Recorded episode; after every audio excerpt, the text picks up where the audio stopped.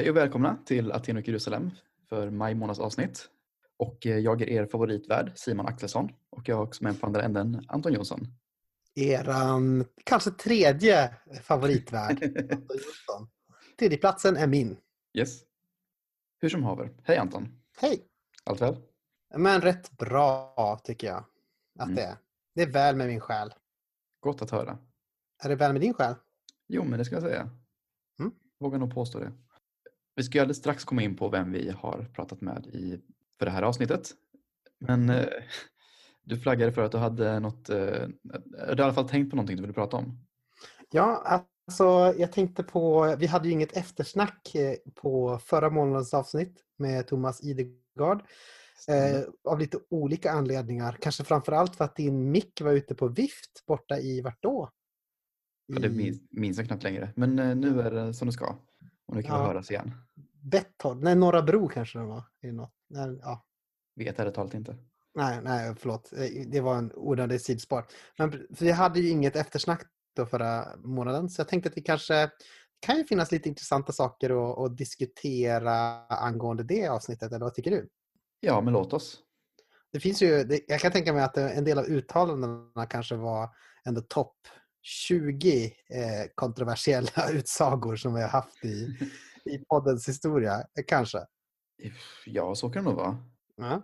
Ska du dra någon av dem en lapp i hatten här? Nej, nej, ja, jag tänkte så här att eh, jag tänkte så att en, en sak som kan vara lite intressant att, att tänka på är vad man har för sorts eh, utgångspunkt eh, när man talar teologi kanske. Mm. Och då tänker jag exemplifiera det här med städer. Som ni vet heter den här podden Aten och Jerusalem, två städer.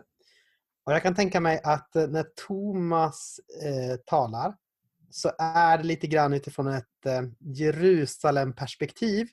Och det menar jag i den här specifika meningen. Alltså att på något sätt så är varje stad, varje plats man befinner sig i är potentiellt eller kan bli liksom en, en sorts gudsstad en sorts eh, plats som, som styrs utifrån eh, naturlig lag som Gud har uppenbarat utifrån vad, vad kyrkan har upptäckt eh, är liksom sant och gott genom uppenbarelsen och så.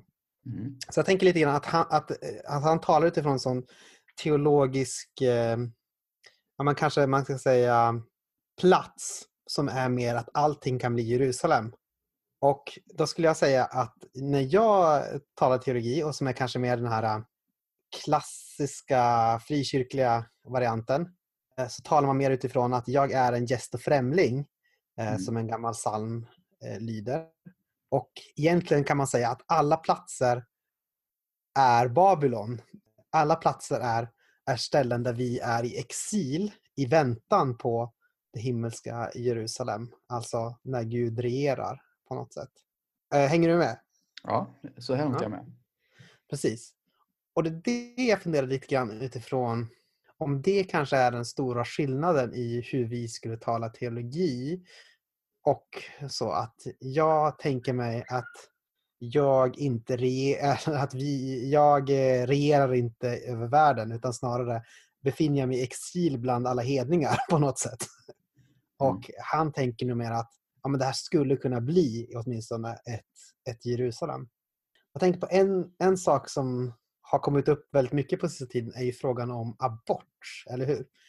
Vi har ju först då eh, Alabama som införde en väldigt, väldigt sträng abortlag. Yes. Eh, och, och så har vi, eh, eh, ja men nu på sista tiden har det varit mycket prat om, att, um, om KD och aborter och sådär. Och det är väldigt hetsk stämning i Sverige mot alla som eventuellt kanske innerst inne i sitt hjärta på något sätt har betänkligheter kring abort. Mm. Eh, så, det kan man väl säga, där är vi någon sorts eh, två poler. Så jag tänkte, och det var en, en fråga som togs upp innan det blev den här stora abortstormen Ja. eh, som har varit på två ställen så, så, så pratade vi om det i den här podden så jag tyckte att det var lite kul att eh, det kom efter. Just det. En kort Eh. faktaruta. Eh, Ja, Att eh, lagen en som... abort? Ja, nej, jag tänkte just på eh, Alabama. Eh, Ja. Lagen som instiftas Alabama. Då, att, det, Mm. att det blir olagligt att utföra abort från och med vecka sex. och även liksom vid, även vid eh, incest och våldtäkt och den läkare som bistår vid en abort eh, riskerar 99 års fängelse. Och, Ja, precis. Så det är ju den, det är en, en sträng lag kan man då säga. milt sagt. Ja, precis. Men, men, eh, och hur som helst. Och jag tänkte lite grann på den här... Eh, eh, Thomas är ju då väldigt eh, tydlig av att ja, men, abort är fel och det finns ingenting man kan liksom förmildrande omständigheter utan att man tar ett, ett liv. Då. Mm. Så. Som katolik är ju väldigt glasklart. Ja, ja men precis. Och eh, jag tänker att på något sätt många av de motargument som jag har sett på sista tiden, alltså när man blir så upprörda över, över det här eh, med den här abortlagen, Mm. den går ofta ut på någonting sånt här. Ett, ja, men den här lagen, det här är inte egentligen vad lagen är ute efter utan det den egentligen vill är att sätta dit vi- kvinnor. Eh, det skulle kunna vara liksom, ja men folk är hycklande, varför, eh, varför tar man inte hand om folk som är fattiga och liksom se till att de får drägliga liv utan bara liksom, ja men föd dem och sen så skiter vi i det liksom. Det finns massor med sådana där kritiker som går ut på att folk, att eh, liksom pro-life-rörelsen är hycklande, att den inte liksom bryr sig om människor egentligen, att det här är ett sätt att sätta dit kvinnor. Och jag skulle kunna säga så här, att jag eh, håller nog med, jag kan nog hålla med om väldigt mycket av den kritiken, att jag tror att den är sann i typ 98 av fallen på något sätt. Jag ser Simon ser så jätteorolig ut. Ja, jag har ingen aning Alltså- på väg riktigt. Eller, ja. Ja. Ja, jag kan tänka mig att den är sann. Att, jag kan till och med tänka mig att det är så att, att, liksom, att en stor del av varför man instiftar den här lagen i Alabama har att göra med en sorts, liksom, vad man kanske kan kalla patriarkat och sådär. Alltså att eh, en sorts härskande över kvinnor. Så, eh, och, så. och att det finns väldigt mycket hyckleri. Att man liksom är för dödsstraff, för vapen i skolor, för eh, allting så här som är dödsbringande i en kultur. För liksom systemisk fattigdom eh, skulle jag säga. Men, Alla, och sen Alabama med som en eh, eh, kanske inte så bemedlad stat då, men väldigt stor svart befolkning. ja men precis. Vi har ju andra, Det- det- vi har andra lagar som många mer liksom är till bara för att hålla nere andra grupper som till exempel de väldigt Ja. strikta det kommer till narkotika och innehav och sånt. Och, och hur fängelser liksom kan gärna ha fängelsekunder för att, eh, som, eh, som kan fungera som, arbets, som gratis arbetskraft eller ja, väldigt eh, polerad slaveri. Ja, men precis. Att det finns ju, och jag kan hålla med, jag håller nog med typ om nästan allt det där. Mm. Men det det inte gör något av det där, det är ju att det inte svarar på frågan, ja, men är det ett liv som är i magen då? Är det så att det här är en skyddsvärd individ? Är det här någonting som är ett moraliskt problem, att vi liksom släcker ut de här liven? Och jag skulle vilja säga att absolut, det är, alltså, o, eh, det här, allt det här som ni säger som är kritik, liksom, det, allt det är sant.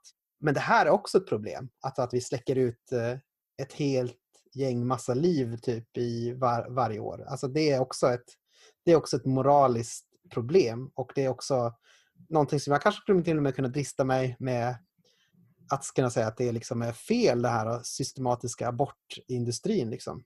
Eh, så, men då kommer vi tillbaka till det här med vad man har för sorts plats eller vilken teologisk stad man utgår ifrån att man är i. Mm. Jag kan, om man då tänker att, att ja, vi ska göra om det här till det nya Jerusalem, på, eller vi ska göra om det här till en sorts Jerusalem i väntan på det nya Jerusalem. Mm. Ja, men då, eh, då måste man verkligen... Nu ska, jag, nu ska vi omforma de här medborgarna så att de tänker rätt. Nu ska vi liksom se till att straffa den här uppenbara synden och sådär. Men då är det mer jag, att jag tänker så här. Jag befinner mig i Babylon med hedningar runt omkring mig som inte men som gör massor med saker som är som jag inte förstår, som är liksom eh, fel. Mm. Men samtidigt så är det inte min stad. Eh, utan det här är liksom hedningarnas stad. Och om man tänker, kolla i Gamla Testamentet, hur bedriver man politik då om det inte är ens egen stad? Ja, men då kan man vara som Daniel eh, i Lejongropen, känd från. Alltså att man ger råd till Nebukadnessar. Att man kan säga, det här tycker jag, du borde inte göra så här.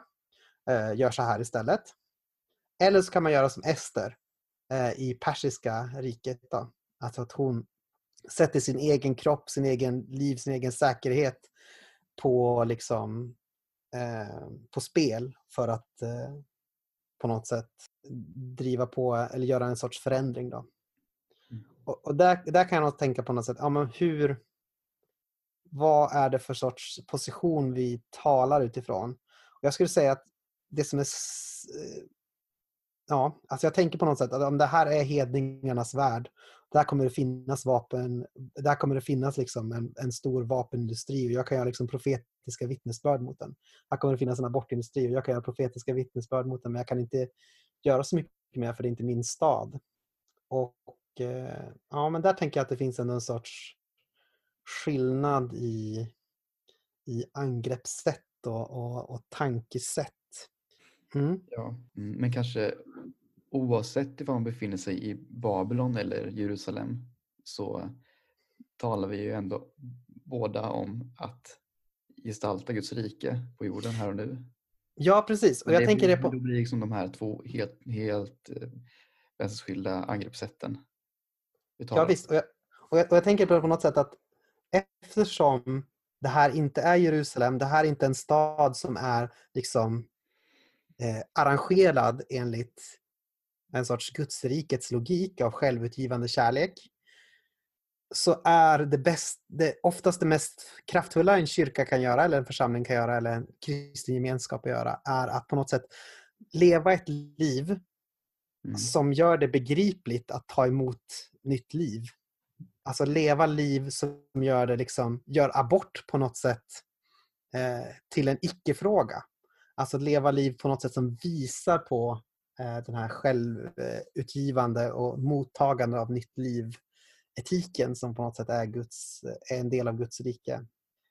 Och det på något sätt kan hjälpa folk in till annat, ä- annat handlingsschema. An, eh, annat tankevärld på något sätt. Mm. Ehm, det är väldigt hauerwassiskt att tänka så i alla fall. Tänker jag. Mm. Sen just den här sp- specifika frågan med, Mm. det finns ju som man kan tänka sig så väldigt, väldigt mycket mer att säga om Mm. allt det här. Men eh, jag vet inte, kanske en banal tanke för vissa men, men det är också något eh, som är lite eh, också lite svårgreppbart i diskussionen. Eller en sak som, som skaver lite i diskussionen det är egentligen att egentligen alla som säger sig då stå upp för då, man säger, svensk abortlagstiftning Mm. är ju också abortmotståndare. Fast Ja. bara fram till vecka 22. Liksom. Eh, och att eh, så varför har man inte rätt till sin kropp efter vecka 22? Liksom? Då, men då är det, det är ju det man samtidigt frågar liksom, skälen. Och Ja. en, Och vet, och vet du vad, jag, jag, har en, jag har en tanke där. Mm. Som vanligt. Alltså, om du tänker dig för att rättfärdiga eh, enorma, eh, moraliskt vanligt sett problematiska handlingar, mm, eh, säg till exempel krig, mm, så måste man på något sätt väldigt tydligt visa att det här är en rättfärdig sak, att det här är rätt att göra, att det här är liksom det goda. Det- Okej, det, kanske, det, kommer bli, ske- det är lite blodspillan, men det här är ändå i slutändan liksom den rätta saken. Och därför tänker jag, ja, men när det blir krig, då, är det de först, då sätter man ju pacifister och sånt där i fängelset. Eh, Hitler tyckte att det var hotfullt när liksom de här eh, nota bene, jämför ingen med Hitler nu levande, utan det här är bara ett, liksom ett belysande exempel. Då. Det kan vara värt att nota. Men liksom, de arresterar ju eh, de här eh, vita rosen eller eh, röda rosen. De, vita rosen tror jag de hette. Alltså en sån här motståndsrörelse som skickade ut så här demoraliserande fakta om, om kriget och liksom, om, om slagen. Liksom. Eh, runt Stalingrad och allting sådär. Som gjorde att folk eh, ja, men som var tänkt att liksom minska villigheten att gå i krig. Och de här blev avrättade. Liksom. Och då kan man tänka sig de delade ut papper. Men det, men det är på något sätt för att, att rättfärdiga den här enorma liksom, och väldigt svåra eh, moraliska handlingen att gå i krig och döda människor så måste man liksom ha en väldigt hög anspråk av, av rättfärdighet och sådär. Och man måste verkligen motarbeta dem som på något sätt säger ja, men är det inte en lite svår fråga det här? Ska vi verkligen gå i krig med vilka det nu är vi ska gå i krig med? Och på något sätt kan jag tänka mig att en liknande logik finns i hela abort, eh, menar, abortdebatten på något sätt. Att det är just väldigt höga tonlägen för att man vet att det är en moralisk... Alltså det åtminstone eh, tycker nog de flesta om man skulle lägga, lägga fram eh, fakta så här. Eh, nu gör jag en handrörelse. mm. Då skulle man nog då skulle man nog eh, tycka att ja, men det är en moraliskt svår fråga. Men för att rättfärdiga det här så måste man hålla en väldigt hög liksom, patos och eh, mm, verkligen vifta på sin flagga. Eh, så, tänker jag. Och det blir just där. Skydda, skydda moderlandet, skydda kvinnans kropp och så vidare som blir som så slagord. Mm. Ja. Vi går vidare. Will we, uh, det här, uh, vi, uh, kommer vi få skit för det här tror du? vet inte. Nej men vi, vi alltså vi får be om ursäkt för det vi sa och inte sa. och allt vi kommer säga. Och jag önskar att vi bara vi stänger, stänger dörren varsamt efter oss. ja. Um, vem ska vi prata med nu tillsammans med? Och jag vill också säga någonting inför det här. Även om du är rasande över vad vi just sa nu, eller så, så tror jag att du kommer ha väldigt stor behållning av det här avsnittet som inte har någonting att göra med det vi just sa. Utan, eller ja, kanske lite grann, men eh, som ett väldigt intressant avsnitt. Jag kanske ska säga att jag tycker att det är bland de bästa avsnitten som kommer nu. Eh. Jo, men jag är nog benägen att hålla med. Mm. Vi har eh, nämligen pratat med eh, Greger Andersson professor i litteraturvetenskap vid Örebro universitet. Bland annat. Och han var också vår lärare eh, en gång i tiden när vi båda gick på Örebro Missionsskola. Numera Akademi för ledarskap och teologi på Campus Örebro. Som vi aldrig kommer att säga eh, oironiskt. Det är Missionsskolan, det är det. Han var ju min basgruppsledare det första året på Missionsskolan. Och då var det några stycken i, i min grupp där som hade en liten sång som vi brukade sjunga som gick så Greger grund har jag i mitt liv. Greger grund behöver aldrig vackla mer. För att vi tyckte att han var en sån bra, Greg, att han var en sån bra Greger grund i vårt liv. Känner han till den här sången? Jag tror att jag kanske sa det någon gång 2010 men han har nog glömt bort det tills nu. Ja, jag tror. Han var också min basgruppsledare och mentor och lärare. Mm. Mm. mm. Och överlag en bland de viktigare personerna jag, jag träffat det senaste decenniet. Mm. Att det var väldigt betydelsefullt för mig med mina studier och både som lärare och som mentor. Och... Jag kan säga också att du har en Greger-grund i ditt liv. Ja, jo, ja. Ifall det är det vi jobbar med så ja, jag har en Greger-grund i mitt liv. ja. Sen, är med då denna Greger? Vad ska, vad ska vi säga mer? Eller han kommer ja, presenteras. Jag tror att du har sagt det viktigaste, alltså det här formella har vi sagt ändå. Men, eh, och att vi har sagt lite informellt eh, om eh, våra varma känslor kring Greger. Mm. Så att jag tror att det kommer ge sig. Och mm. att här avsnittet pratar vi om, om Bibeln och särskilt Gamla Testamentet kan vi säga. Ja. Och lite särskilt kommer vi in på Domarboken och lite sådana här problematiska mm. Mm. knepiga kanske man kan säga, texter. Knepiga texter. Mm. Det finns gott om dem. Bibeln är ju liksom the gift that keeps on giving när det kommer till eh, spännande och provokativa texter i alla möjliga riktningar. mm. Men ska vi lämna det så och så släpper vi lös vårt samtal med Greger? Ja. Så får det bli. Nu kör vi!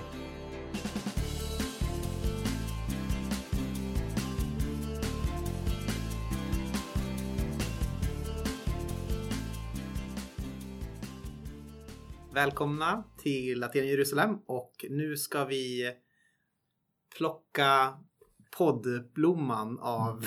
Greger Andersson. Välkommen! Tack, tack.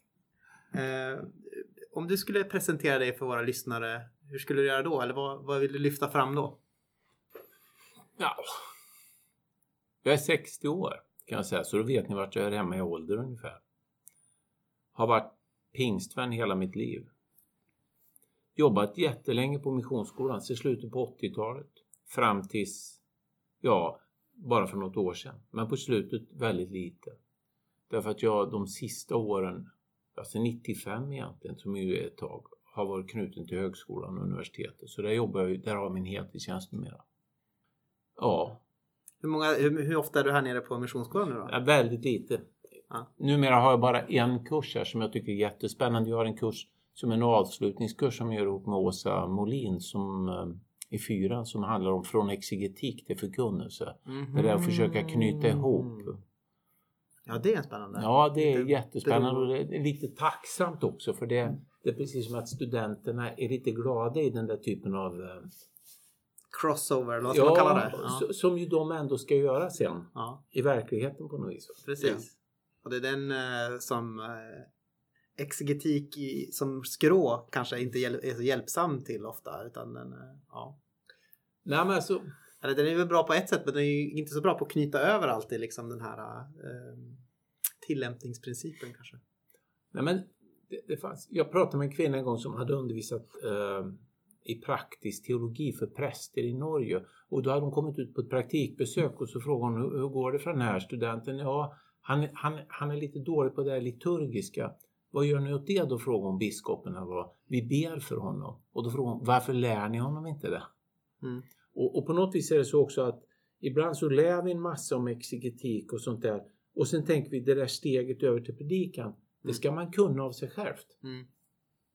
Och, och, och, då kan man ibland ställa sig frågan så här. När sådana saker hamnar i skuggan då kan man fråga sig varför lär vi inte varandra det? Mm. Är det bara något man har eller inte har? Eller är det något vi kan lära oss? Just det, en sån natur, rå naturbegåvning mm. bara, eller? Ja. Mm. Som, som, ja. Det är ungefär som att man tänker sig att det är en talang eller inte. Men det är ju också något man behöver analysera och förhålla sig till och mm. diskutera och sådär. Och det är kul. Men eh, du jobbar ju då mest här uppe på Örebro universitet ja. som är kanske 300 meter från där vi sitter eller något sånt där. Uh, uppskattningsvis. Och professor i litteraturvetenskap, eller hur? Professor i litteraturvetenskap sedan 2012 och sen i januari i år så är jag prefekt vilket betyder att jag nu har ett, en stor del av mitt jobb är ett administrativt eller ett chefskap och, och sen är en liten del då att, att vara forska och handleda doktorander. Just det. Det lät lite, det lät lite sämre att vara prefekt då nästan än uh, att vara professor. Mm. Det, är, det är nog inte alla som uppfattar det som världens klipp i karriären men det är inte så dumt heller. Nej. Alltså jag kan tycka så här att uh, ja, nej, men jag, jag tycker att det går bra att vara, ha den rollen också. Just det. Och vad är litteraturvetenskapen för något? Vad det är för något? Ja. Det är vetenskapen om litteratur är ju det enkla svaret. Men det är ju det, har bara vänt orden. Det är bara vänt orden. ja. Alltså det är ett rätt så klurigt ämne att riktigt komma åt. Va? Därför att vad är då, då kommer nästa säga på vad sätt är det vetenskap och, och hur avgränsar ni vad som är litteratur? Och vad kan man veta och intressera sig för när det gäller litteratur? Klass, klassiska akademiska frågor. Ja. ja. ja, men det är ju Egentligen är grundfrågan det här kan man säga så här. Alltså en stor del av våra liv fylls av fiktionsberättelser och fiktionstexter av olika slag. Och, och, det är väl det dominerande här, att ta reda på det, dels de här texternas historia och dels vilken funktion de har i våra liv och hur vi tolkar dem och hur vi använder dem. Mm. Hur de är komponerade och vad de gör. Mm. Den typen av frågor. Men det finns också en väldigt stark historiskt intresse i ämnet. Alltså hur har det här utvecklats? Hur har det sett ut genom tiden? Och mm. Vilken funktion det har. Vad är ditt intresse då? Ja, men jag, har alltid, jag kom in i det här Alltså jag kom ifrån Missionsskolan där jag hade studerat Gamla Testamentet och det jag tyckte att, att eh, jag tyckte att vi hade ett problem med Gamla Testamentet vid Örebro Missionsskola för den tolkningsmetodik som var det centrala på den här missionsskolan passade jättebra för Nya Testamentet men inte så bra för Gamla Testamentet.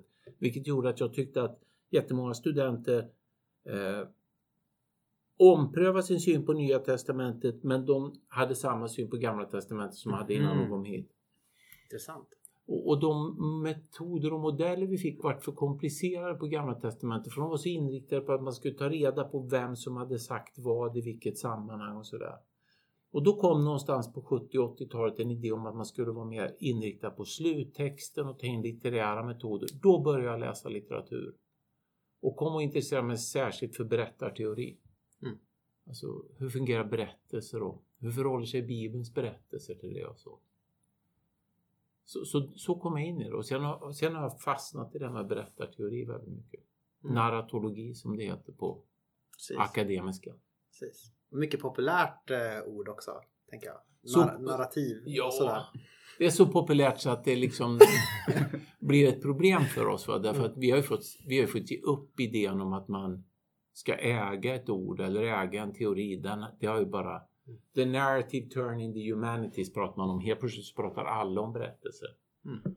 Och om man då säger så här att från början så var det, eller ett spår i det var det väldigt det var som man pratade om strukturalistiskt. Man tänkte sig, finns det grundstrukturer i allt berättande och kan vi liksom se dem? Det var ju så som litteraturvetenskapen kom in i det. Men det som intresserar forskare i allmänhet nu, det är ju mer så här. Eh, vad betyder berättelser och vårt berättande för vårt tänkande och vårt meningsskapande i livet? Och så, Mm. fort, och så fort frågan vidgas till det, då känner man ju, då sticker den ju. Mm. Därför att då blir den intressant för massor av fält. Och, och då är det inte så mycket längre att hålla tag i vissa begrepp och definitioner utan då handlar det ju, alltså om vi ställer frågan hur skapar människor mening i livet? Ganska, Den är ganska rätt stor ja. Ja, precis. Och, och spännande tycker jag också så jag förstår att man intresserar sig för det. Eh, jag tänkte att vi skulle prata lite grann om, eh, om domarboken eh, till Mhm. att börja med. Ja, Kul va? den är rolig. Mm. Eh, det finns en feministisk teolog som heter Phyllis eh, Tribble Mm. som har skrivit, en, skrivit om Texts of Terror. Eh, och då tar han upp lite olika texter Mm. från just domarboken. I domarboken berättas det om domaren Jefta som lovar att om han vinner en seger över sina fiender så ska han offra det första som kommer ut genom hans dörr till Herren. Ett ganska dumt löfte. Hans dotter kommer ut när han har då vunnit seger där och spelar på sin tram- tamburin och Ja. firar segern. Jefta sen- känner sig tvungen att infria sitt löfte. Dottern går upp i bergen för att sörja att hon måste dö som jungfru. Hon kommer tillbaka. Han infriar sitt löfte. Och det finns ju många saker som är stötande med en sån text. Det är både kanske moraliskt stötande, eh, feministiskt eh, stötande, anstötlig. Att, att Gud inte griper in kan ju vara någonting som är besvärligt för eh, en teolog som tänker sig att Gud, som skulle önska att Gud griper in. Mm. Så hur tänker du, hur bör man läsa en text som det här? Hur ska man förstå en sån text? Man måste ringa in Ja. frågan lite. Ja. Alltså ibland så angriper vi Bibelns texter för att de inte liksom är så moraliskt högstående som vi tycker att de borde vara. Men det räcker ju att jag zappar runt på tv-kanalen en kväll så tänker jag så här, ja just det, som om det inte var några mord och något våld här då. Det är ju antingen matlagningsprogram, husfixarprogram, sport eller mord. på, på varenda kanal. Så, så jag, jag moraliserar inte så utan det som jag tror är en svårare fråga som kristna det är att det inte är den här typen av texter man förväntar sig att hitta i en bok som är Guds ord. Mm. Utan man har en förväntan på att nu ska jag lära mig någonting, nu ska jag få del av någon, ja, någon typ av budskap och så kommer en text som, som är så svår att riktigt veta vad säger den? Den bara skapar problem för mig. Va? Och, och det var min ingång när jag började läsa den här texten. Jag började tänka så här, ja den här skapar problem genom hela tolkningshistorien. Går man tillbaka på de gamla targumerna som var översättningar på Jesu tid till arameiska så ser man att de har fyllt i ett långt avsnitt där det står så här, alltså de gjorde så här tillägg när de tolkade. Då ska jag säga så här, ungefär så här, jag kommer inte ihåg ordagrant, men då säger de så här, så gjorde Jefta, men det borde han inte ha gjort, utan om han hade frågat prästen så hade han fått reda på att han inte borde offrat sin dotter, för man ska inte offra sina barn, ungefär så. Mm. Och så, och så man, ja de har ju samma problem som jag har med den där texten. Så, så det, min första ingång i det här det är ju varför, alltså det är ju typiskt sådär litteraturvetenskapligt, vad är det i den här texten som skapar problem som vi inte riktigt lyckas lösa? Och då upptäcker man sådana här saker som, det är en episodisk berättelse. Så det som händer i en episod förklaras inte av det som händer sen. För så gör vi när vi läser romanen. Vi läser ju bara vidare och tänker det kommer en förklaring. Mm. Men här kommer ingen förklaring. Det är inte heller någon berättarröst som går in och säger han gjorde fel. Det fyller ju Targumen på med. Mm. För de saknar ju det också. Och, och så är det ett problem till då och det är att om man säger om man läser de stora texterna ingår så verkar de ha en moral som säger att, att om Israel håller lagen går det bra för dem. Och om de inte håller lagen går det dåligt. Alltså att det finns ett slags moraliskt system. Men här verkar inte det gälla. För det är jättesvårt att säga att Jefta eller hans dotter på vad sätt är de onda som gör att de drabbas av det här. Det här verkar mycket mer godtyckligt ungefär som att någon, någon drabbas av ett ont öde. Det, det är nästan en tragisk berättelse. Mm. Och då kan man fundera på, har man som, som litteraturvetare kan man gilla sådana berättelser. Man kan upptäcka att det finns många sådana i litteraturen. Men som teolog eller kristen läsare så funderar man på, kan, har, den här, har den här berättelsen någon mening för mig som troende?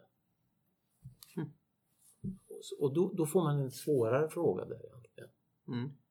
Jag tänker du, har det någon mening då för, för dig som troende? Alltså, om jag går över litteraturen får den det. Ja. Och om du går över den bäcken? Ja, om jag går över litteraturen, för då skulle jag kunna ställa mig så här att, att om vi läser de här berättelserna som litterära så handlar de om vad det är att vara människa. Och de dras mot det som är uppseendeväckande och annorlunda, inte det som följer givna mönster. Mm. Alltså, vil- vilket ju, den här mönstertolkningen, vi ska lära oss saker av Bibeln, de vill ju upprepa mönster som är vanliga. Mm. Men här händer ändå det ovanliga. Och, och, och då, då finns det ju konflikten i berättelsen och det tror en del judiska tolkare har rätt i. Att det, det finns fyra eller fem berättelser i Bibeln som handlar om hur människor ger tokiga luften. Det vill säga, de, kan, de skulle kunna gå åt pipan för dem. Och då rättar Gud alltid till det. Om David säger den som först kommer in i Jerusalem ska få bli min överbefälhavare. Så säger judiska rabbiner, det kunde ju varit vilken stolle som helst. Eller om Kaleb säger den som intar det här stället ska få gifta sig med min dotter. What? säger de. Eller om, om Abrahams tjänare i första Mosebok 24 säger att den första som kommer ner och vattnar kamelerna och sånt här ska få gifta sig med Isak. det, det kunde ju varit vem som helst, säger de. Men det ordnar sig alltid. Gud leder. Och så kommer Jefta och ger det här luftet. Och vi anar redan från början, för det har som form att det här kommer sluta mörkt. Mm. Alltså, det, här finns ingen självklarhet. Utan här, här är det, så tragedin uppstår på något vis genom att Gud är tyst. Mm. Och det är ungefär som säga, så kan livet också vara. Alltså, och då kan jag tänka, ja, det kan det. Mm. Gud kan vara tyst också. Ja, Gud kan vara tyst och det går inte bara...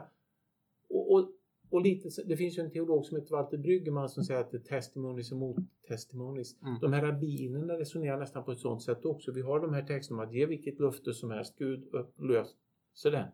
Och så är det, nej men har ni hört om Jefta? Mm. Och, och, det där, det där för och emot så där har jag lärt mig lite att tycka om. Mm. Men det är bara en gång som en student har sagt så här, jag vet precis vad, vad som menas. Det var en afrikansk student, han sa till mig så här, när jag bodde hemma i Afrika, då lovade jag Gud ett år att han skulle få hela den skörden det året. Jag höll på att få ta död på mig nästa år när jag skulle försöka få ihop det. Mm. Men det visar ju också att han hörde hemma i en kultur precis som Jefta, där man inte kunde ta tillbaks luftet. Men, men det är den enda gången som någon säger, jag känner igen det precis. Men detta med Guds tystnad. Mhm. Hur, ska man, hur kan man tänka kring Guds tystnad? Finns det mer att säga om det här? Å- återigen om du går in i det litterärt så är det ju, det är ju Alltså om man tänker berättelsen litterärt i Bibeln, om man tänker så, då tänker man så här, de dras till det som vi kallar som tellable, det vill säga det som är anmärkningsvärt, som är värt att berätta. Och de vill säga något om vad det är att vara människa. Då kan man säga att de ger olika bilder också av hur människors relationer till Gud.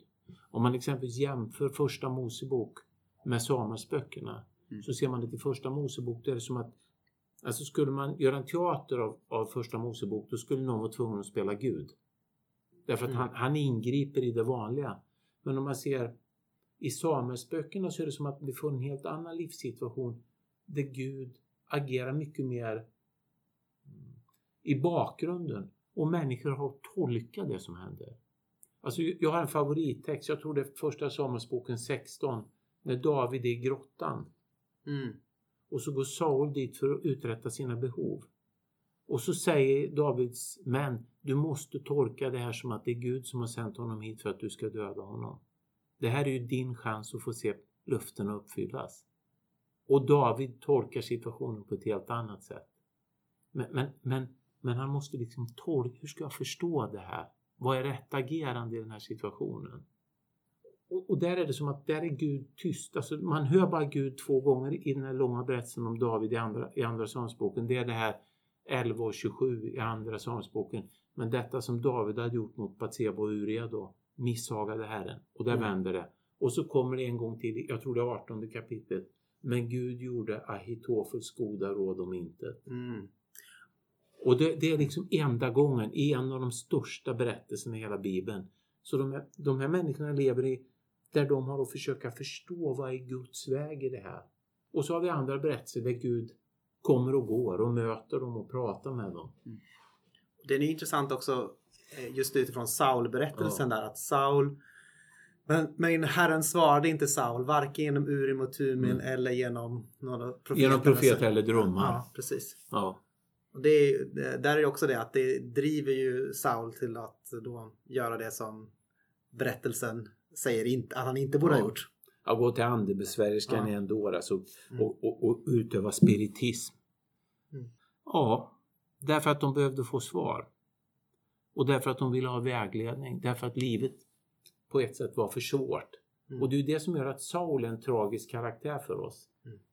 Därför att han framställs ju som det finns många som säger att det här är en propaganda eller en historisk berättelse och att Saul framställs som skurk. Men då gör han det på ett väldigt ineffektivt sätt. Mm. För, för om man tar det första fallet han har i första Samuelsboken 13.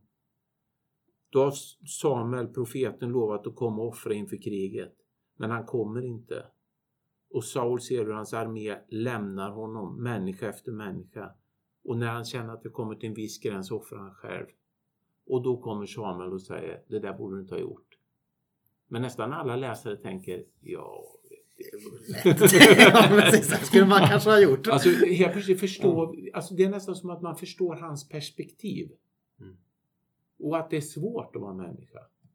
Och att det är svårt att vara lojal mot Gud. Det är svårt att vara kung i Israel. Och, och därför tycker jag på något vis också synd om Saul. Men, men är det lite grann eh, så man tänker på Gamla Testamentet kanske i överlag i, om man kontrasterar det mot Nya Testamentet? Är Nya Testamentet mer tillrättalagt? Lite mer tillrättalagda berättelser eh, och GT är lite mer stökigare, lite mer spretigare.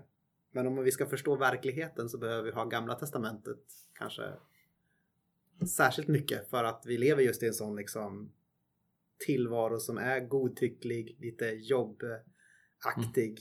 Eh, där det bara liksom staplas massor med märkligheter på varandra. Är det, är, kan, tror du det kan vara ett rimligt sätt att förhålla sig till GT? Ja, ja, ja, dels kan man säga så här att Nya Mm. Testamentet är inte skönlitterärt på samma sätt som Gamla Testamentet. Mm. Utan, och jag skulle inte säga heller att det är, det är klart att Nytestamentliga säger att allt är narrativt, men det är inte det på samma sätt. Mm. Och då kan man fundera på, har Gamla Testamentet någon funktion för kyrkan? Och det är jättespännande att se genom hela kyrkans historia så har man ju varit missnöjd med Gamla Testamentet. Mm. Så man börjar med allegoriska tolkningar och sånt där. Va? Ända fram till våra dagar för några år sedan när man hade den här bibelkoden och tänkte sig nej, det går att köra in alltihopa i datorn och få fram hemliga meddelanden. Alltså, allt det där är ju på något vis som att nej, ska det här vara Guds ord? Vi gillar inte riktigt att det är som det är. Men jag har försökt att bestämma mig för att gilla det. Ja. Och, och vad händer om jag gillar det som det? Och har det ett värde med den karaktär som det har? Och, och det är det jag är lite ute efter när jag läser texterna på det här sättet som vi pratar om nu då. Att, man tar dem med de problem och de spänningar och de utmaningar och de frågor de ställer. Men man måste nästan ha den ingången i dem så man inte, annars blir de för problematiska. Just det. Men, men om man då... Eh, ska vi ta en annan text of terror då? Ja, Det kan vi göra. En man från... Är det Dans stam han är? ja, Precis. Han eh, har en konkubin som har sprungit Nej, bort. han är från Efraim. Nej, han är från Efraim. Efraims Mm. bergsbygd. Aha, just det, han är från Efraim. Hans konkubin har sprungit bort. Han åker för att, hämta, för att hämta sin konkubin. Han får äta jättemycket mat hos eh, konkubinens pappa. Till slut får han med sig eh, sin konkubin och reser in till Benjamins stam. Mm. Va? Ja. Och vilken stad är han? Eh, han Han stannar ju inte i Jerusalem utan i Gibea och det är inte en slump. Just det. Han eh, stannar där.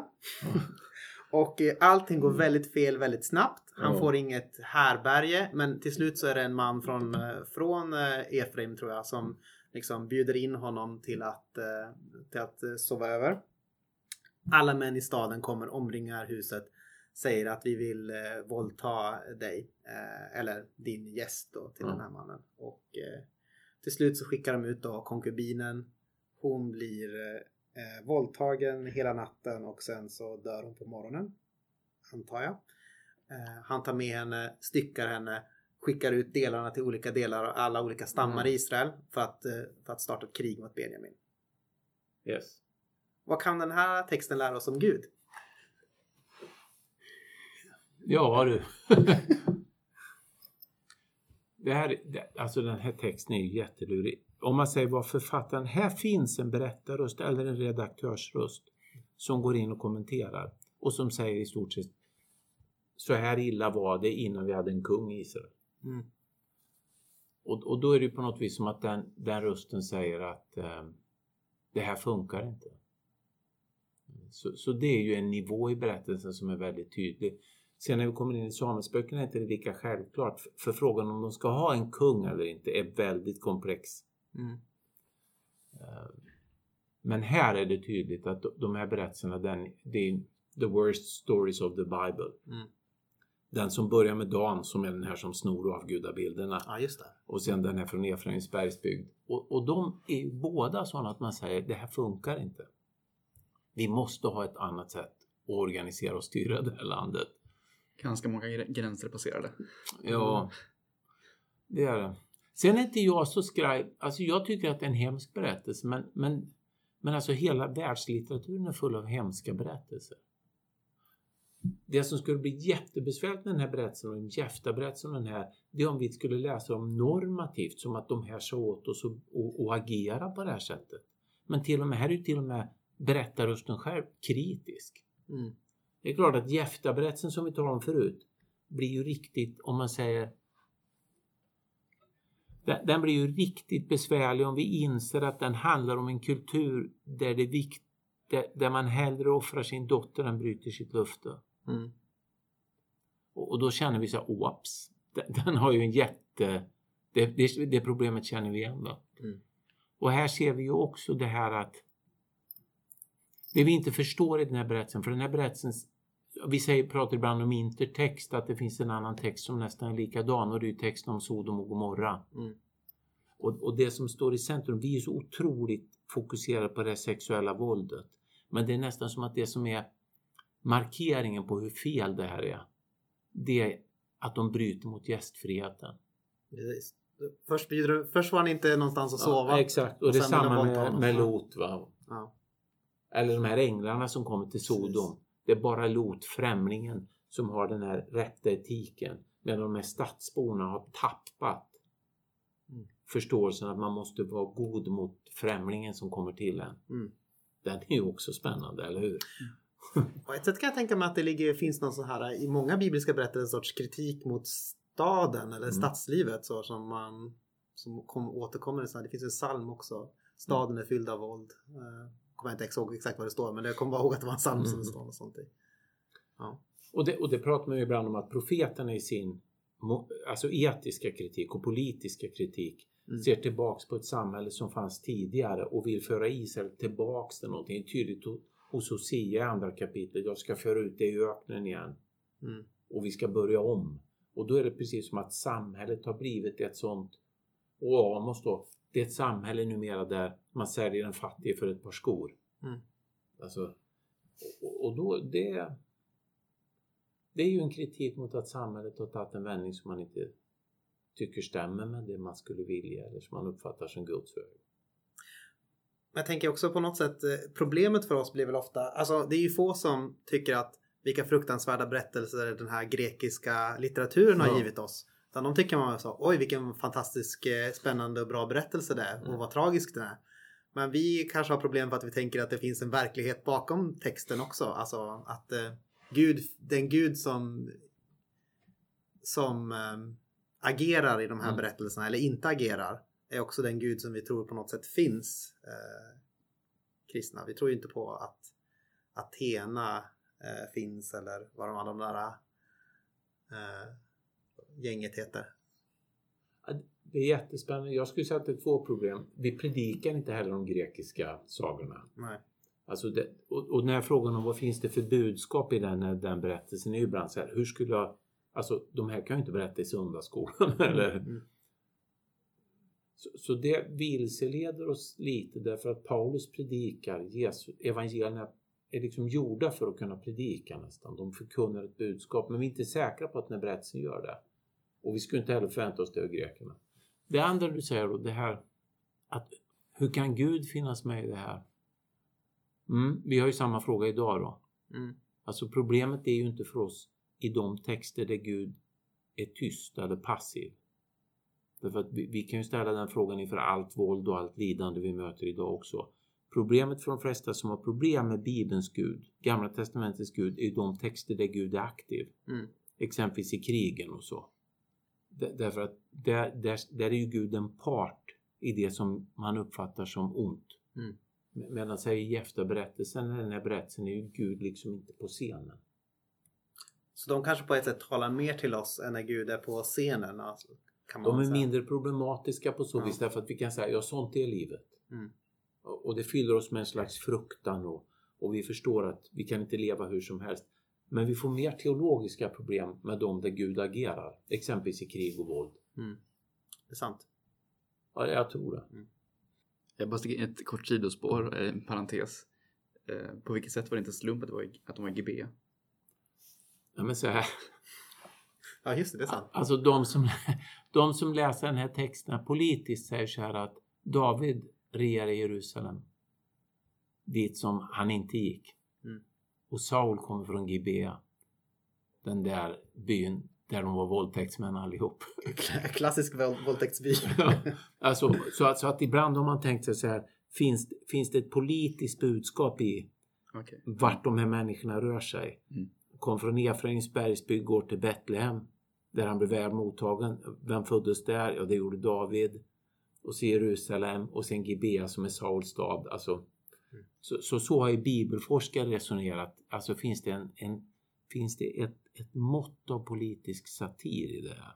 Mhm, Mhm, mm. Just det. Men det, det är ju omöjligt att säga. Men de bara pekar på de sakerna. Ja. Det låter väl troligt när man säger det så. Liksom. Alltså, ja, och det är då jag menar, då, då blir det inte en slump utan då tänker de att det där är motiv som har en funktion. Mm. Förstår. Och vi har lite sånt i Bibeln. Lite det här du vet att ja, de och de folken, de kommer från de och de och så. Mm. Precis. Eh, Är det Edom som är från inavel? Nej, Edom är ju Esau. Ja, just det. Vem är som vem är, som är, vem är, det som är inavel? Jag tror det är Moab och Ammon. Ja, just det. Som är Lots döttrar som ligger med. Ja, de är incest. Det är lite tydligt så här. De är inte så himla bra. Mm. Ja, vi är inne på det här ganska mycket redan nu, men, men just de här eh, texter som de här som är så röriga och främmande för oss. Eh, kan, kan de, på- vilket sätt kan de här hjälpa oss att förstå vad det innebär liksom att leva i den här världen?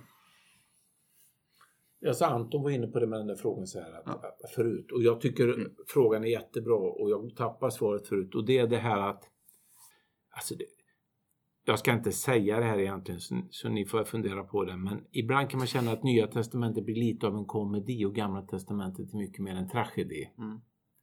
Alltså att det finns en att det finns en optimism i Nya Testamentet. Och då, vi pratar inte att det är en typ en sitcom. Att det är Nej, inte Kramer så, utan mer så här att, att det finns en väldigt ljus och positiv bild. Nu är allt förvandlat Mm. och, och nu ska... Sen stämmer inte riktigt, för läser man Paulus brev och sånt så, så tänker inte han så. Nej. Men i Gamla Testamentet så finns klagan i psalmerna, det finns de stora existentiella frågorna i Jobb och Predikaren. Berättelserna rymmer massor av olika aspekter av hur det mänskliga livet kan ta vägen. Och, och det är det jag menar med att de blir liksom litterära. De, de är mer, ibland kan vi känna igen oss i dem på ett allmänmänskligt plan. Alltså så här är ju livet. Mm. Mm. Och, och så här svårt är det, och så här gåtfullt är det. Och så här mycket sorg och tragedi är det. Men de blir ju svårare lite teologiskt att hitta den där enhetliga teologin. Just det, man ska syntetisera eller Ja. säga.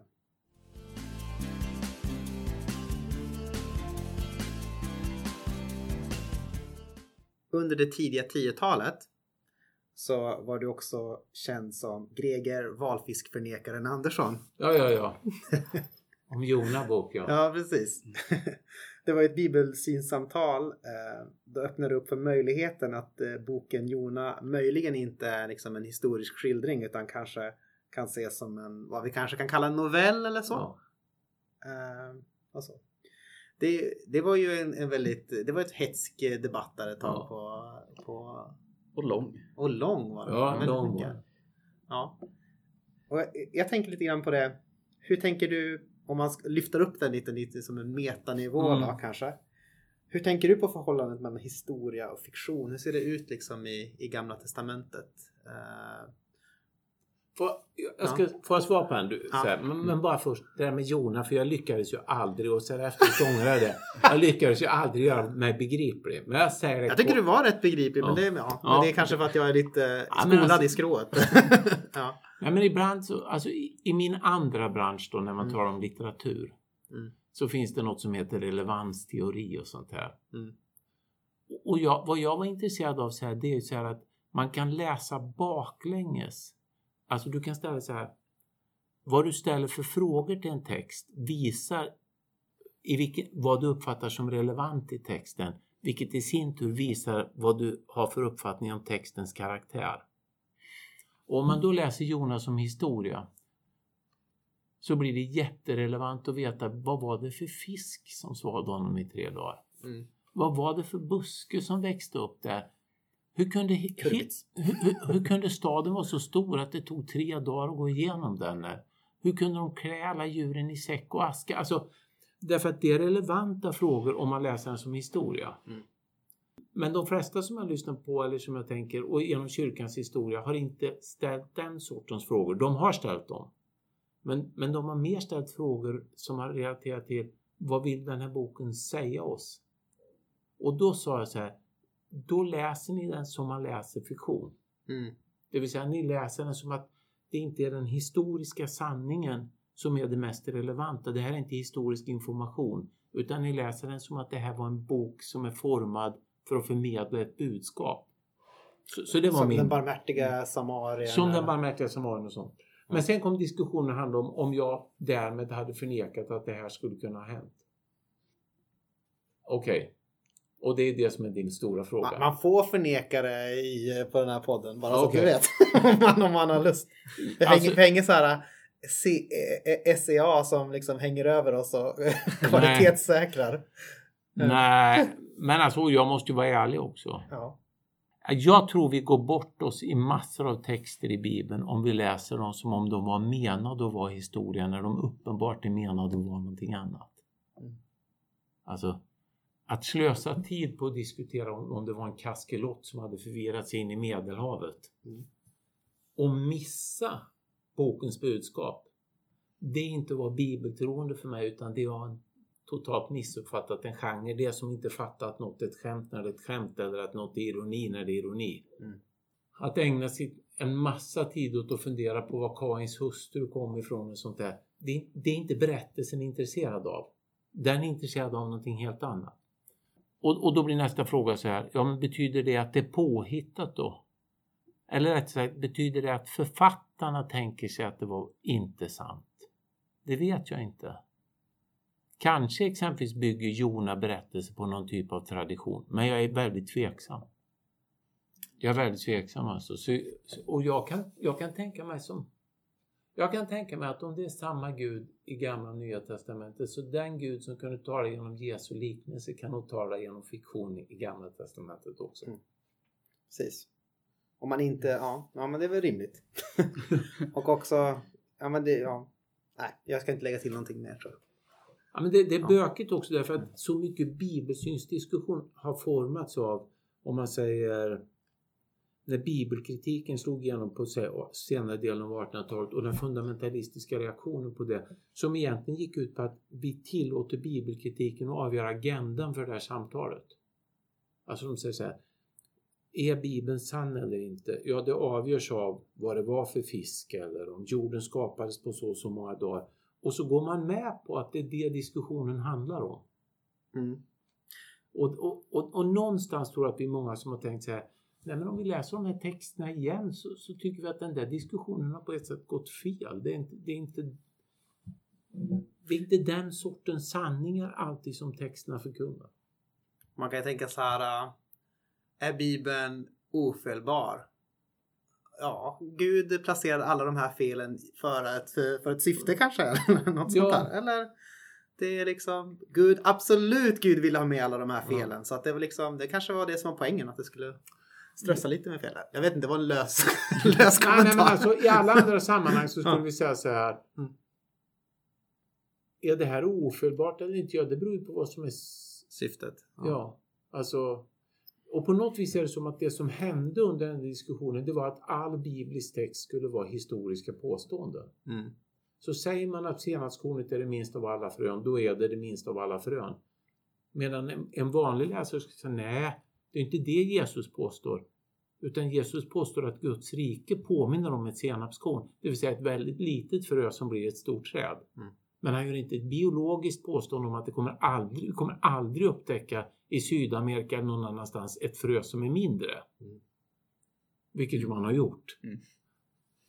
Förstås. Men, men alltså, då, då är det precis som att man har sagt Bibeln, om den ska vara Mm. sann, måste höra till kategorin informativ historia. Mm. Och ibland så, så möter vi ju bibelläsare som kommer hit också till sådana här skolor och sånt. Och som har fått den bilden med sig. Och det enda sättet ibland att upprätthålla den det är att man aldrig läser texterna. Och så möter man dem för första gången. Och, och då får man en... Alltså den bild man har fått av de här texterna stämmer inte med hur de faktiskt ser ut. Och det kanske, men på ett sätt så är det väl också en fråga om vad är sanning? Om Mm. man ska citera Pilatus. Alltså är sanning är sanning ett liksom abstrakt filosofiskt begrepp i Bibelns begreppsvärld? Och jag vet inte, jag kan tänka mig att det inte är det. Om man tänker att Jesus säger att han är vägen, sanningen och livet. Mm. Så att det är någonting, att, att sanning är snarare någonting som, som upptäcks i, i en sorts relation med Bibelns Gud kanske. Eller något sånt där. Ja, det är ju... Och den frågan du. Nu var det du som förde upp det på någon slags filosofisk nivå. Vad är sanning? Ja, det var bara en kommentar så det behöver jag egentligen inte svara på, på den. Utan... Nej, men om jag ska vara väldigt så här, pragmatisk och Mm. textnära och litterär så kan man säga så här. Vad är sanningen i Jona bok? Mm. Vad är den viktiga sanningen i Jona bok? Och det är klart att om jag befinner mig i en de- debatt där jag säger att det viktiga att det var en fisk som verkligen åt upp honom och spottade upp honom på land tre dagar senare levande.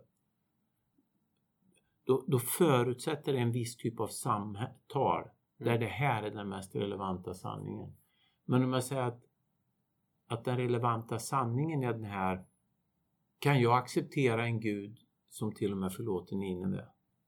Kan- jag, alltså kan jag leva med en sån gud? För det är den frågan Jonas ställer sig och det kan man Israels historia så förstår man varför den frågan var brännande liksom. Mm. För Nineve var en av de stora förtryckarstäderna som verkligen gjorde dem illa.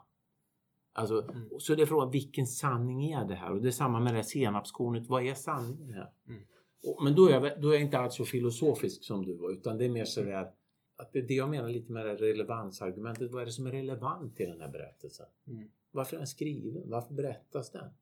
För att informera oss om att det var en fisk som en gång åt upp en profet eller för att ställa oss inför en jätteviktig teologisk fråga. Innan vi lämnar GT. Mhm. Eh, vi- vilken text i, i Gamla Testamentet brukar mala på mest i bakhuvudet? Och det är olika. Alltså, om man säger det sista året, eller de sista två åren, så har jag varit jätteförtjust i den här texten i Första Mosebok 18 när Gud ska gå ner och förgöra Sodom. Mhm. Och Gud och Abraham förhandlar. Därför att alltså det är en text som egentligen säger så här. Alltså dels, den säger jättemycket om vad det är att vara människa och en relation till Gud.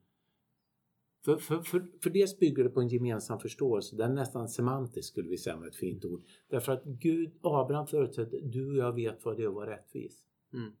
Du och jag vet det. Och jag kan för mitt liv inte tycka att det är rättvist att döda den oskyldige tillsammans med den skyldige.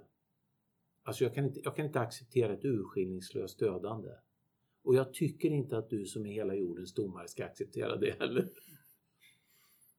Och så känner man, läser jag en bok som Bibeln som tillåter sig själv att ge röst åt sådana kritiska frågor.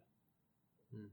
Så, så kan det vara, för mig betyder det jättemycket när jag också läser vissa texter där det är en massa krig och våld. Att jag, Abraham fick fråga så. Mm. Abraham fick fråga så. Bibeln låter mig fråga så. Då frågar jag så också. Tycker du att du som är hela jordens domare ska göra så här? Mm. Alltså, och- då kan jag bli förtjust i det som är ett problem för många med texten. Alltså just det här, den här dialogen som jag bjuds in i. Den... Ja, jag gillar den. Den ger mig liksom ett förhandlingsutrymme som jag behöver när jag, när jag läser Gamla Testamentet. Mm. Jag behöver ett, för, ett, ett tolkningsutrymme. Mm. Så, så jag kan säga, ja men det där köper jag inte på en gång. Nej, det gjorde inte Abraham heller. Och han hade rätt enligt texten. Mm. Sympatin är på hans sida. När vi läser den så känner vi, kunde inte sagt tre också? Precis. Sänka ner lite ytterligare. Judiska rabbiner säger att han bad dåligt. Han borde ha sagt en och så borde han gått in i staden själv. Ah, det var... Det var Den är men tung, de den är tung. Rabbinerna är smarta alltså. Ja men den är tung och då kan man nästan bli kristologisk Ja. liksom. Ja, verkligen. Den är, det är ju, där är ju en predikan. Om man får använda lite rabbiner så vore. Ja, för Mose gör ju så. Han säger så här, om du tänker göra på det viset kan du stryka mig ur boken du skriver i. Mm. Alltså då börjar det lite tryck i bönen. Mm.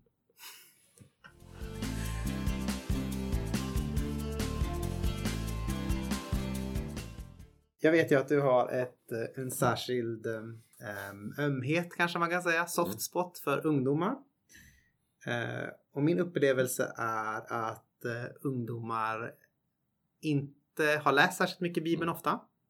Och om de, eller jag upplever att de har kanske den idén av Bibeln som en bok med inspirerande citat som man kan använda i olika situationer i livet. Lite grann om du, jag vet inte, du kanske inte har Facebook eller något sånt sociala medier men det brukar ofta komma upp bilder på typ så här en person som sträcker ut armarna och står vid ett fjäll eller något sånt där. Mm. Och så står det ett bibelord över eh, som kanske säger någonting fint. Så. Och så, så tänker jag att det verkar vara lite ett sånt förhållningssätt man har till Bibeln. Ehm, och då kan man tänka sig att om man då börjar, väl börjar läsa Bibeln kan man bli ganska besviken för att den liksom inte lever upp till det. Kanske särskilt eh, Gamla Testamentet. Så hur ska man kunna hjälpa ungdomar att, att närma sig sådana här ganska spretiga berättelser? Som, Först bara kort säga, det finns de som har gjort studier på vykorts Jesus. Mm. Alltså, eller på, jag tror det var en afrikansk, en forskare som forskar i Afrika som kollar på alla sådana här bildekaler som var bibelord. Mm. ja. En, en av de favoriterna var Du bereder en väg för mig. den, den, därför att den, den inbjöd till all möjlig körning. Men, men egentligen så är kruxet så här att åh, alltså ett, det finns två problem vi behöver komma till rätta med. Det ena problemet är att vi har felaktiga förväntningar på Bibeln. Alltså vi blir undervisade om att Bibeln är något annat än vad den är. Och, och då får vi ett krux när det, den föreställning vi har om texterna möts av texterna. Men sen tror jag också att vi skulle behöva, alltså, och det tror jag är ett misstag i bibelexegetiken. Kyrkan har aldrig predikat Bibeln som om den bestod av tusen små Guds ord. Mm. Utan har predikat den som ett stort Guds ord. Och det evangeliet har, har varit centrum i alltihopa. Och där, därför tror jag ibland att när man, om man bara slår upp enskilda texter sådär och tänker sig att här ska jag hitta hela, här ska jag hitta något direkt. Mm. Så missar man det där att man behöver hela tiden koppla det till evangeliet. Och det där teologiska tänkandet runt evangeliets betydelse, att det tror jag vi behöver ha med oss. Därför att då kan, då kan man orka med att texterna i sig inte alla bär på den där uppbyggelsen och sådär. Men sen är det ju det är ju rätt spännande att frikyrkans folk kallades för läsarna. Jag kommer ihåg någon jag läste som, som skrev och sa att det är helt skumt att man i slutet på 1800-talet satt i bondstugan och diskuterade den objektiva kontra den subjektiva försoningsläran som är ett så otroligt svårt abstrakt problem. Mm. Men, det sitter man och diskuterar. Sara Lidmans böcker exempelvis är full av coola diskussioner om det här. Och, och jag tror så här att, att många, det är en väldigt det, det var en otroligt avancerat att vi satt och tolkade de här texterna och försökte begripliggöra dem. Och, Mm. och hade en slags begrundande läsning, kallar, jag tror det är Beata Agrell som kallar det för det. De frikyrkliga ägnar sig åt en begrundande läsning och textsamtal och sådär. Så vi behöver, nog, vi behöver nog erövra det här igen i så fall.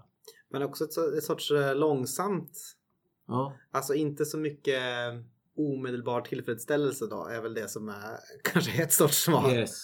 Ja. Och det vet ni från, ni vet när ni, när ni själva är unga, ni är unga, Ja. men det här att man skulle läsa ett kapitel om dagen, alltså att, Ja. att man skulle liksom mata sig själv med en massa texter och det har jag och många andra upplevt att man stoppar i sig en massa texter och tycker de inte betyder någonting. Och sen plötsligt kan man i ett livsögonblick uppfatta att nu, nu, nu blev den här texten levande sa vi. Mm. Mm. Och det var ju för att det fanns en massa i oss Mm. som helt plötsligt kunde bubbla upp vid ett tillfälle och så blev det helt plötsligt jätterelevant där och då. Mm. Men, men, men det är klart, har man det i sig. Nej, men på något sätt så är ju man måste äta, och nu kommer det här, just det, nu kommer man måste på något sätt äta skriftrullen Ja. för att det ska ko- komma den där honungen i magen. Det var också ett så här, nu kan lyssnarna eh, försöka lista ut vad det var för bibelreferens. Ja. Men alltså man måste på något sätt svälja ner hela bokrullen för att det ska kunna ge eh, sötman kanske. Mm. Eller så. Så jag upptäcker det i mitt jobb på universitetet. Att jag går runt, det är helt skumt alltså.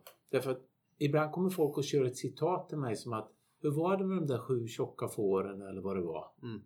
Och då inser jag, nej men nu har jag suttit och pratat om någonstans och jag har sagt att först kommer sju feta kor och sen kommer sju magra kor. Och de har ingen referens. de vet inte att det är Josef Strömmar jag pratar om. Nej. Eller vi satt nu på ett sammanträde med några ledare och de pratade om att där finns den surdegen och där finns den surdegen. Och jag tänkte, ska jag tala om för dem var det kommer ifrån och vad det betyder? Att de, att de håller på att laborera med Paulus nu. Och, Mm, mm. Alltså, men det var ju det att det fanns ju en jättestor referensram av bibeltexter hos många. Jag är inte säker på att alla läste texterna så mycket. Kerstin Ekman säger av en av sina karaktärer, han var inte kristen men han tänkte bibliskt. Mm. och då var han ju liksom matad med det här. Så, så jag tror vi måste återerövra texterna. Ja. Men kanske att vi ska göra det mer på ett mer... Ja, vi får, vi får, jag, tror, jag tror vi måste acceptera en del bibelforskning och sånt där och inte hålla fast vid en alldeles för strikt bibelsyn som inte stämmer med texterna. Nej. Mm. Vi gör oss en otjänst då tror jag. Man kanske mer öppna upp för ja, men kanske just öppna upp för det att att med det förhandlingsutrymmet som du pratar om Mm. att man både kan få säga att jag, jag håller verkligen inte med om det här. Jag tycker inte att det finns någon Mm. sorts lärdom jag kan dra av det här utan att man kanske får man får läsa Bibeln lite heretiskt kanske Mm. helt enkelt och inte enligt det här färdiga systemet som man När jag kom hit och började läsa alltså, i början på 80-talet, då var vi väldigt, väldigt mycket bibeltroende. Och då var det en lärare som sa så här, ställde en fråga. Och den, den är ju konstig för alla hör att det är ett logiskt cirkulärt resonemang. Men han var ute efter att utmana oss. Han sa så här, tror du på Jesus för att du tror på Bibeln eller tror du på Bibeln för att du tror på Jesus? Mm. Och då insåg man så här att om jag tror på Jesus för att jag tror på Bibeln, då kommer varenda problem i Bibeln att leda till att hela systemet hotas. Mm. Men om jag vänder på det och säger det var inte där jag kom in i det. Utan jag tror på det som är någon slags centrum, kärna i det här. Då kan jag leva med att ja, men den här bibeltexten kan jag inte, jag, jag står inte ut med den idag. Mm. Eller den här tycker jag är krånglig. Men det betyder inte att allt annat faller då. Nej. Men vi hade, vi hade i vårt resonemang vänt på det. Så vi sa att eftersom Bibeln är ofelbar kan vi tro på Jesus. Mm. Om då någon kommer och säger så här, var det verkligen en fisk som åt upp Jona? Då faller hela, hela spelet. Mm. Alltså, då hotar det hela min existens. Därför att jag har vänt på det sådär. Så, så det var liksom avgörande för mig att få, få jobba med den där och komma till rätta med vad är det egentligen som är kärnan i, i min tro på något vis. Sen, apropå det med ungdomar och bibelbruk. Jag glömt bort vad det var jag läste någonstans ganska nyligen. Man beskrev liksom att rörelsen har gått från att man inte längre läsare utan tillbedjare. Mhm. Och att ungdomar idag i större utsträckning liksom tar till sig bibeltexter, alltså främst via modern lovsång. Det, att det är mycket det som fyller en spellistor och därifrån får man med sig stycken och rader med eh, bibeltexter. Ett bäst kanske. Mm. Det kan nog stämma tror jag. Ja, jag känner, ja, jag kan verkligen känna igen liksom, eh, rörelsen ditåt. Um, Har jag får jag svara på, tänka lite runt det? Jättegärna. Ja, absolut. så här. Det, finns, det finns en risk när det gäller allt som har med ungdomar att göra idag att man liksom får en krisstämpel på det. Men om, vi är ute och, om man är ute och intervjuar unga kristna, om man läser andra som Som du har gjort också. Ja, lite grann har jag gjort det. Och så, eller om man läser andra böcker så får man den här bilden, ungefär, nu är jag jättekort alltså. Man uppfattar att man, många så här, att man försöker leva ett kristet liv i en fientlig omvärld. Mm. Alltså som försöker dra en bort från det sätt att leva som man vill leva. Och det som är liksom nyckelordet i det livet, det är att man vill vara överlåten. Mm. Och, och för att försöka inte tappa riktningen, inte tappa bort sig i det, så hittar man stöd på olika sätt. Man kan hitta stöd i den gemensamma gudstjänsten, man kan hitta stöd i, i kompisar, i hemgrupper och sånt där. Och man hittar stöd i, att man ber, att man läser Bibeln, att man klistrar upp som bibelord på väggarna, att man har lovsångstexter inspelade på mobilen och sånt där. Alltså, man behöver en massa support Stödstrukturer. eh, stödstrukturer för att man känner att det är jättesvårt att leva kristna liv idag och man vill verkligen. Mm. Sen skulle vi kunna diskutera så här, mhm, mhm. Har ni verkligen en särpräglad e- etik exempelvis? Eller har ni samma etik som alla andra? Ni har bara insett att den är jättesvår att leva efter. Mm. Och på vissa gånger har de sagt, men då kan jag tycka så här, det, det är ju ett himla vackert projekt. Det är, det är ju svårt. Alltså, det är ju en jät, jätteutmaning de håller på med. Och, och de kämpar verkligen. Och, och då är det precis som att man behöver gudstjänster och, och lovsången betyder märkligt mycket för många. Mm. Som är just sådär. Det, det är en käpphäst för mig just nu. Jag tror att hela den här lovsångsdebatten är fel. Nu säger jag det. Jag tror den är helt fel. För folk tror att det handlar om genre, men det handlar om funktion. Mm. Alltså lovsången är inte i första hand en annan genre, det är en annan funktion. Så man kan inte säga så här, varför sjunger vi inte den genren utan bara den genren? Därför att vi, tanken med den moderna lovsången är att vi gör någonting annat. Vi tillber tillsammans och i det så möter vi Gud och upplever andlighet. Så det är inte en genrefråga utan en funktionsfråga. Men det verkar inte riktigt alla andra tycka. Ja, men det, det är väl också det som Ellen eh, Wingren tror jag Ja. varit ute efter. Va? Ja, och, och jag läste ett par studier om, om den här typen av moderna frikyrkor som båda helt plötsligt säger så här, vi måste skriva något om musiken. Därför att, och de insåg direkt, alltså som kommer gjort sina etnografiska studier utifrån, att musiken har en ny funktion, den här lovsången. Mm. Det är inte längre den gamla funktionen, utan det är en ny funktion. Och det, så det var de som liksom, de studierna som fick mig att tänka, ja det är något. Och då, och då tror jag att den har en jättefunktion i det här stödet. Mm. Kanske skulle man börja läsa lite mer i Bibeln också. det kan vara bra också. det kan man också. ja, ska, Ska vi vi- ta de sista? Ja. Vi, vi, vi rundar av på vårt vanliga vis eh, med de här två frågorna. Mm. Eh, Den första är denna. Vem är Jesus? Hjälp, det är ju den frågan jag är rädd för. för den går bara, det, antingen tar man bara ett sånt där jätteenkelt svar och så tänker man hur länge som helst. Ja, för mig är ju Jesus, om vi då kopplar till bibelsamtalet, så är ju han vändpunkten på alltihopa.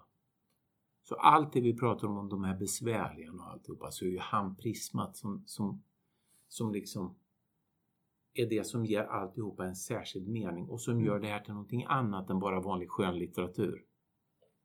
Därför att allting relaterar till, till honom och vad som blir synligt i evangeliernas berättelser om honom. Ja, alltså det blir liksom huvudpersonen i alltihopa.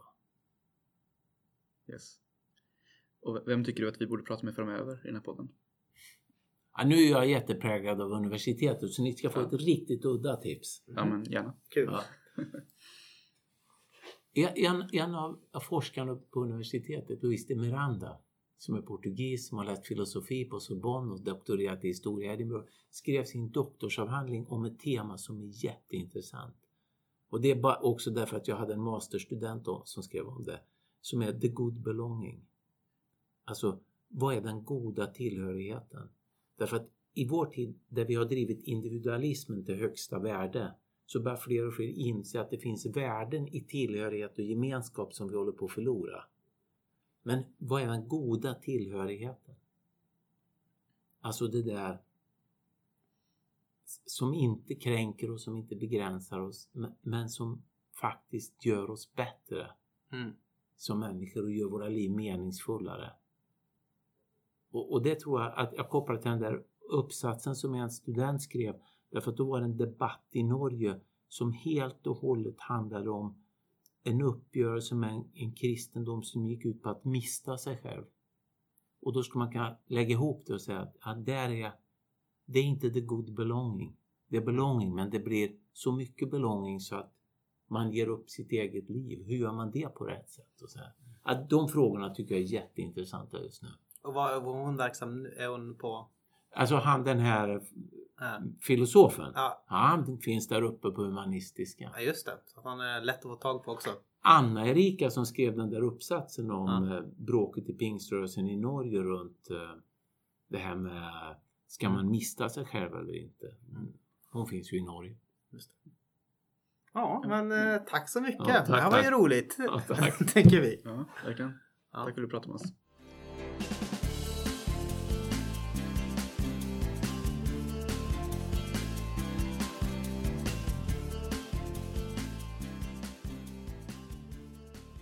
Så där då.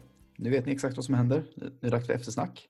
Och var någonstans börjar vi, tycker du Anton? Jag vet faktiskt inte riktigt vart vi ska börja. Jag tänkte att du skulle ta och börja. Vad säger dina anteckningar för någonting? Ja, vad säger de egentligen? Alltså, jag kan ju säga något rent, jag kan säga lite generellt av saker jag snappade upp på min tid på Missionsskolan och saker som också Mhm. vi påtalat nu också då jag samtalar. Men eh, det är bara så här ganska enkla och bra hörnstenar i god exegetik egentligen. Mhm. Och det är detta att och då tänker jag till exempel på sådana frågor som eh, så här, Bibelns felbarhet eller ofelbarhet och hela den biten. Mm. Och då en sån här term som dök upp tidigt som Bibeln liksom är inte sann i allt den säger men den är sann i allt den påstår. Mm. Till exempel som det här han pratat om, senapskornet. Det är, det är ju faktiskt inte det minsta kornet som finns. Mm. Men är det som är poängen? Förmodligen Mm. inte. Och det är så all god liksom, textläsning börjar tänka liksom att eh, vad är det för text? Vad säger den? För vem? När? Hur? Vad ligger runt omkring där? Och också skulle jag vilja påstå det som eh, Greg är lite inne på här, att läsa det i, i kanon eller i ett kanoniskt sammanhang är också, tänker jag, väldigt viktigt. Alltså man läser inte egentligen bibelord på det sättet eh, lös... För att få reda på Guds ord, det är inte, vi har inte tusen små Guds ord som Greger säger, Mm. utan vi har ett stort Guds ord som är liksom evangeliet om Jesus Kristus och sådär. Och alla bibelord måste på något sätt sättas in i den kanoniska kontexten, alltså i, den här, i sitt sammanhang, att de alla pekar fram emot, sätts i dialog med, stretar mot eh, Jesus. Liksom. Precis. Och det är min mer teologiska läsning då av Bibeln, inte så exegetically sound? Nej, kanske. Mm. ja, och möjligt att jag blandar ihop begreppen här. Liksom, men, ja. Nej, jag tycker att det var bra.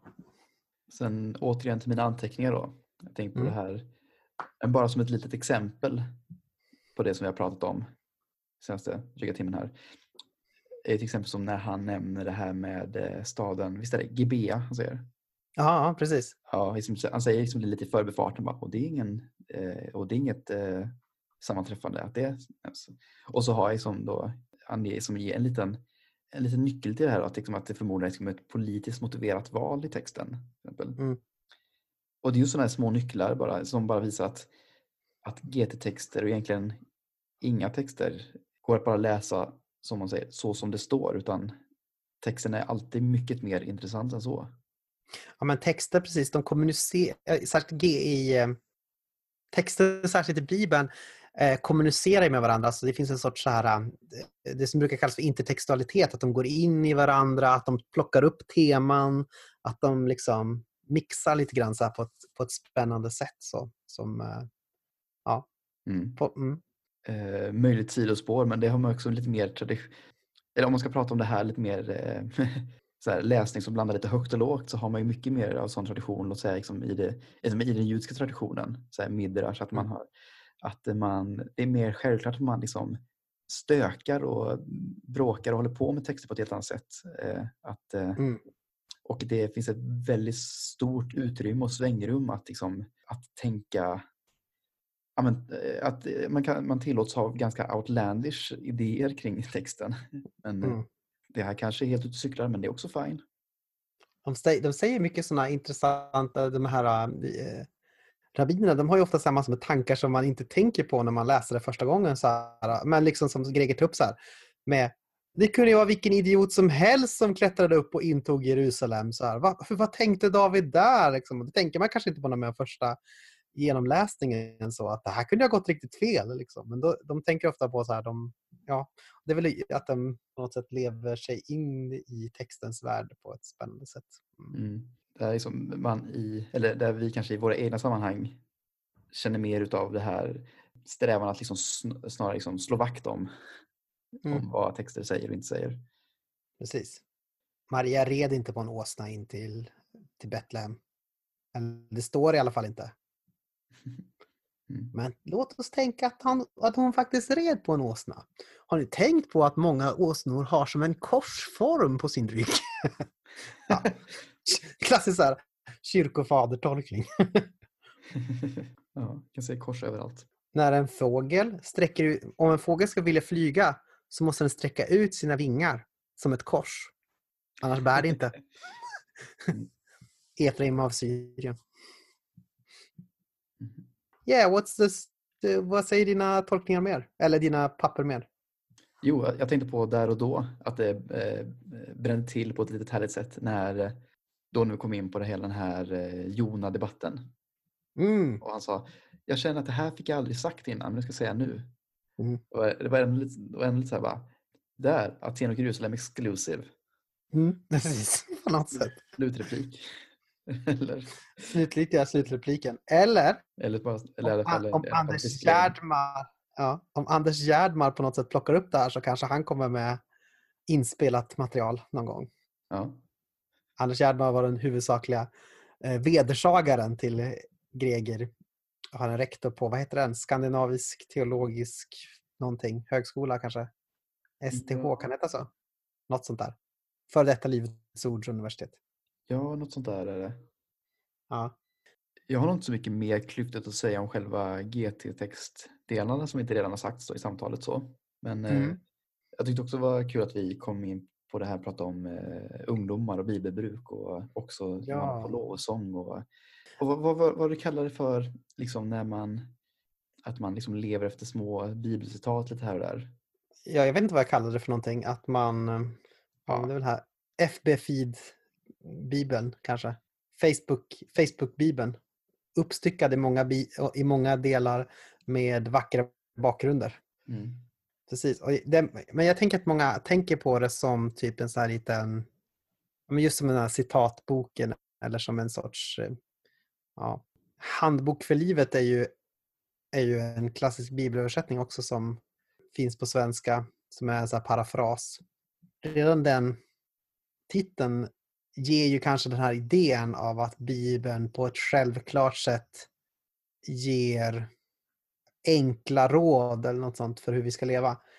Och jag tänker mer, ofta är ju Bibeln snarare så här, ja, men platsen vi kommer för att spegla oss själva i, eller på något sätt, kanske inte en handbok för livet, snarare som en värld att leva i som vi kliver in i och som vi börjar förstå oss själva utifrån. Mm. Levi Petrus sång Gör så som Abraham gjorde, blicka mot himlen upp. Medan du stjärnorna räknar växer din tro, ditt hopp. Himmel och jord må brinna, höjder och berg försvinna, men den som tror ska finna. Eh, löftena de står kvar. Alltså där på något sätt, där skrev han ju i en situation där hans fru var väldigt sjuk, vill jag minnas. Och då blir, men det är inte som att det blir så mycket kanske en enkel rådbok så Bibeln, så här, så här gör du när din fru är sjuk. Utan snarare det här att ja, man, man lever i den här världen, i Bibelns värld på något sätt och kan se, ja, men precis som Abraham så måste jag nu titta upp mot himlen och, och liksom räkna stjärnorna och liksom komma ihåg Guds löften om att han är med oavsett vad som händer. Mm. Att det är mer en sån, liksom, snarare kanske en livs... ehm, ja, med ett par glasögon som vi sätter på snarare än en handbok kanske. Mm. Annars så är, Greger är ju så väldigt bra på att prata också och så väldigt bra på att på något sätt ja, men på att han är bara så bra på att föra en dialog. Alltså, det är ju fascinerande vilken människa på det sättet. Ja, verkligen. Och så liksom så snabbt välformulerad.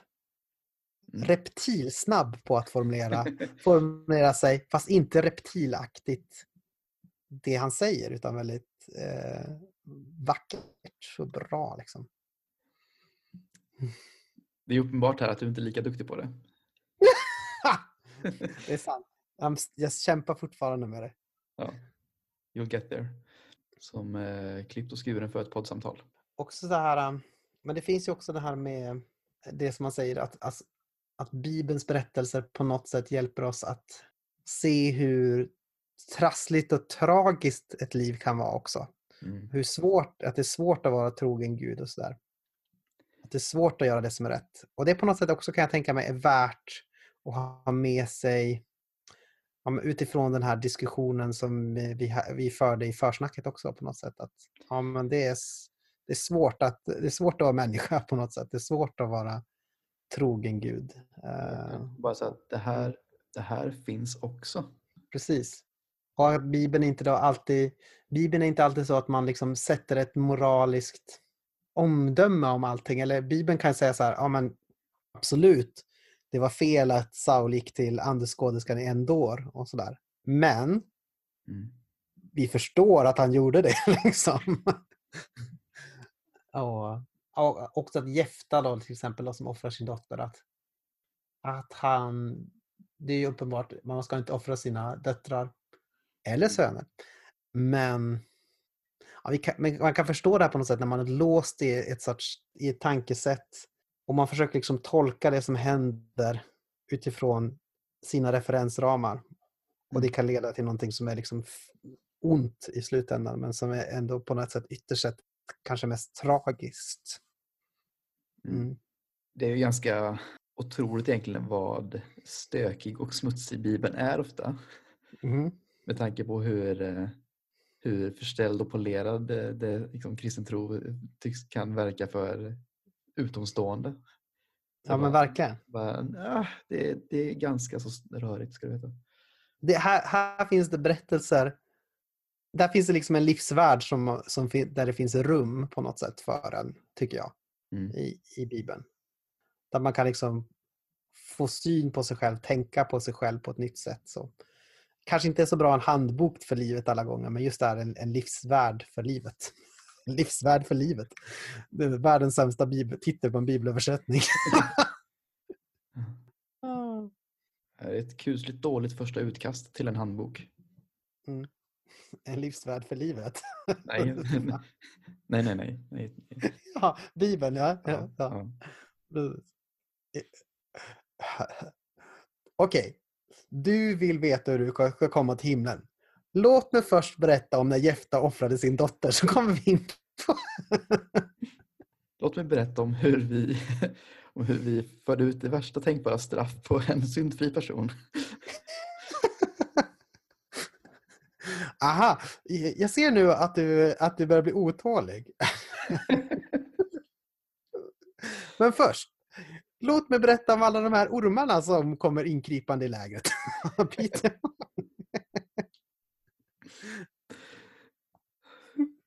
Ska vi, eh, ska vi lämna det vid det då? Ja, men det blir jättebra. Stort tack för att ni fortfarande är med oss, ni som ännu är det. Ja. Glöm inte bort att Att änglarna, finns. och att de är här för att se hur du har det. Att de kan hjälpa dig fast de inte syns. Så glöm för all världen inte bort. Att änglarna finns. Glöm Okej. inte bort heller på att demonerna finns. Att de är där för att stjälpa dig om, fast de inte syns. Okej, nej, det- strunta i dem. Moving on. Glöm inte bort att prenumerera, recensera, dela, kommentera, gilla, eh, tweeta, mejla, skriv brev, allt det där. Och eh, hur, var och när, eh, allt det här finns det länkar till i avsnittsbeskrivningen. Och om du till och med har, eh, har lust och ekonomisk möjlighet att stötta oss så gå in på vår Patreon-sida och ja, överväg att donera till den här podden för dess överlevnad och Eh, utveckling. Och om det är så att eh, ditt kort nyligen har gått ut och du är en månadsgivare till oss. Om du vet med dig att ditt kort nyligen har gått ut så kan det vara så att man behöver gå in och uppdatera sin betalinfo på patreon.com så att vi, ska få, att vi kan få del av det här sköna, sköna kassaflödet från ditt kort till vår poddverksamhet. Det är som ett väldigt märkligt specifikt eh, scenario. Alltså vi har ju fem givare och det var jag har sett att en som inte går igenom betalningarna för. Ja, jag vet säkert vem du är. Det, där- det där är du ut om du vill och har lust. Väl mött igen om en månad igen. Fridens. Ja, liljor.